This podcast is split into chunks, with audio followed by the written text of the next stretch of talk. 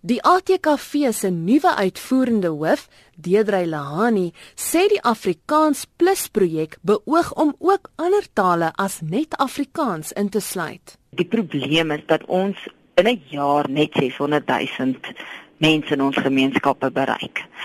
En dit is waar die probleem begin want 600 000 is baie klein as mens vat hoe baie mense eintlik daai tipe impak of daai tipe hulp of daai tipe ondersteuning in kuns, kultuur, taal en onderwys nodig het.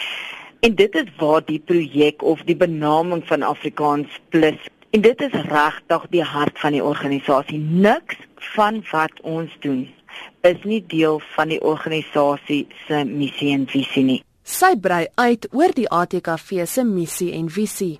Vir die ATKV is die Afrikaanse taal, kultuur, kennis en kreatiwiteit organisasie. En dit is onmisbaar deel van nasiebou, versoening en 'n suksesvolle Suid-Afrika. Daarom sal die ATKV 'n onderneming bedryf ten einde op 'n volhoubare wyse sosiale en ekonomiese vooruitgang te kweek deur die Afrikaanse taal uit te bou, 'n Afrikaanse kultuur tuiste te bied, relevant en geloofwaardig te wees, ontwikkelings- en opleidingsgerig te wees, netwerke te vestig en uit te bou, ekonomies kragtig en volhoubaar te wees, inklusief te wees en net regtig eie tyds dinamies en tog dit wat vir die ATKV spesiaal is te bly bewaar.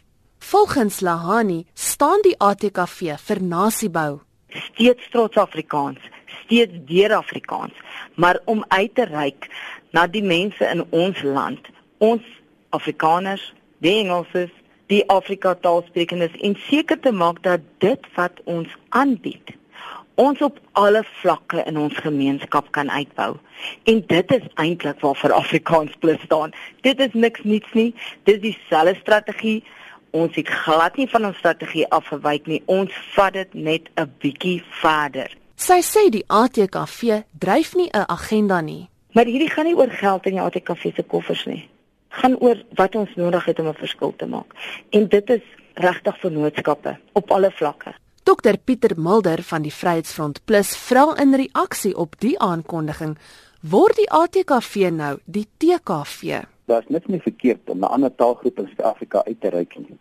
Maar dit kan die hoofbesigheid van die ATK verander as dit 'n prioriteit en enigste prioriteit word. Jy weet die departement van kuns en kultuur se begroting elke jaar wat belastinggeld uh, gebruik, wys dit na alle groepe uitreik, maar hoe hulle bereken die Afrikaanse taalgemeenskap afgeskeep word. Daarom het ons organisasies nodig soos die ATKV om daai vakuum te vul eintlik. En ek dink die ATKV het 'n groot rol gespeel van 94 af om presies dit te doen.